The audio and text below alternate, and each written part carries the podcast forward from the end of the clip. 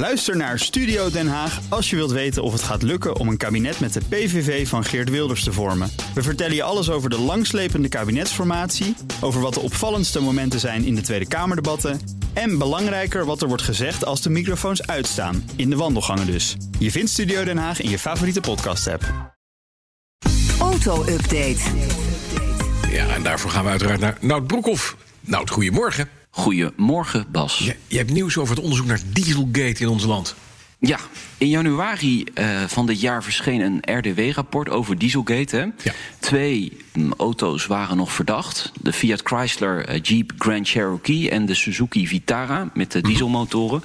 Nou, daar is een rapport over verschenen. Uiteindelijk heeft um, de RDW gezegd... die autofabrikanten hebben gesjoemeld. Er is een software-update nodig voor die auto's.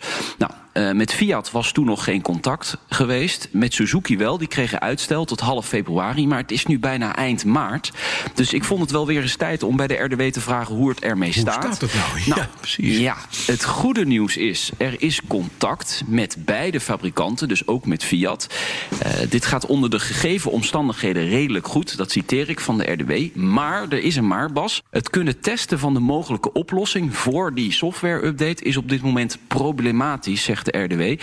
Er gelden namelijk uh, reisverboden vanwege de coronacrisis. Dus voorlopig kan die software-update in Nederland niet plaatsvinden van Ja. de Schumel-diesels. Dus die blijven op dit moment gewoon op de weg.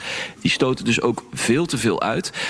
Uh, ja, de uh, staatssecretaris heeft destijds gezegd... dan ga ik de typegoedkeuring intrekken... zolang Ja. die uh, software-update niet komt. Precies. Maar dat gaat ze natuurlijk nu niet doen... want vanwege de coronacrisis uh, kan dat natuurlijk niet. Dus ja, eigenlijk, het nieuws is eigenlijk dat de software-update vertraging oploopt. Ja, het ligt gewoon allemaal stil eventjes. Ja, Ja. Dan, BMW geeft meer prijs over, de, over zijn ambities op het gebied van waterstof. Hè, langzamerhand begint het Ja. bedrijf met zijn, eh, met zijn e-versies ook eh, eh, elektrische auto's te krijgen. Maar ze gaan toch naar waterstof kijken. Deden ze jaren geleden ook al, hè? Ja, de ambitie is er nog steeds. Ze hebben inderdaad een samenwerking met Toyota. Misschien herinner je dat nog. Uit 2013 stamt dat. Nou, op lange termijn willen ze een auto gaan brengen met waterstoftechnologie. En dan het liefst een X-model, dus een SUV. En vandaag is informatie eh, vrijgegeven over de aandrijflijn die daar dan in moet komen te liggen. Uiteraard een brandstofcel natuurlijk, want Ja. anders kun je niet op waterstof rijden. Twee tanks, eh, 700 bar, 6 kilogram waterstof kan daarin. 374 pk, dat zijn alle gegevens die ze vandaag hebben vrijgegeven. En ze kijken nog even in de toekomst. In 2022 willen ze een kleine serie van de BMW X5 op de markt gaan brengen. En het productiemodel moet dan op zijn vroegst in de tweede helft van het decennium op de markt komen. Dus eigenlijk na 2025. Nou, laten we hopen dat dan ook de infrastructuur er klaar voor is. Hè, want dat Ja. is eigenlijk Dat je Het grootste probleem.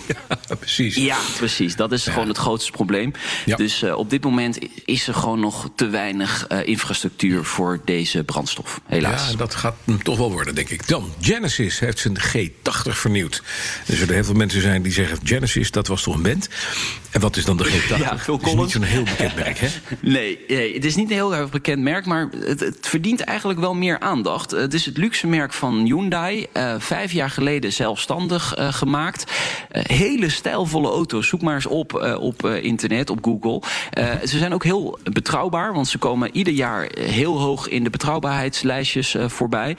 Maar ja, ze worden dus vooral geleverd in Azië en Amerika. Maar die G80, die ja, vernieuwd is, is eigenlijk een beetje de concurrent van de, van de BMW 5-serie en de Audi A6 en Ja. de Mercedes-Benz E-klasse. Dus ik zeg altijd, als je echt een keer wat anders wil, dan is misschien die Genesis uh, best wel leuk om, uh, om, om, ja, om te kopen.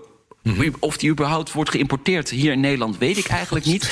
Maar goed, ja. 5 meter lang, 3,5 centimeter breder geworden. En een V8 is er niet meer, maar wel een V6 met 380 pk. Okay. Het is echt een auto waar je een chauffeur bij moet hebben. Ja. Dat je achterin kan gaan zitten. Zo'n Nee. auto is het. Nou, Nee, met 350 pk wil je zelf sturen. Ben je gek? Oké. Ga je toch niet een chauffeur eh, de lol geven? dat gaan we niet doen.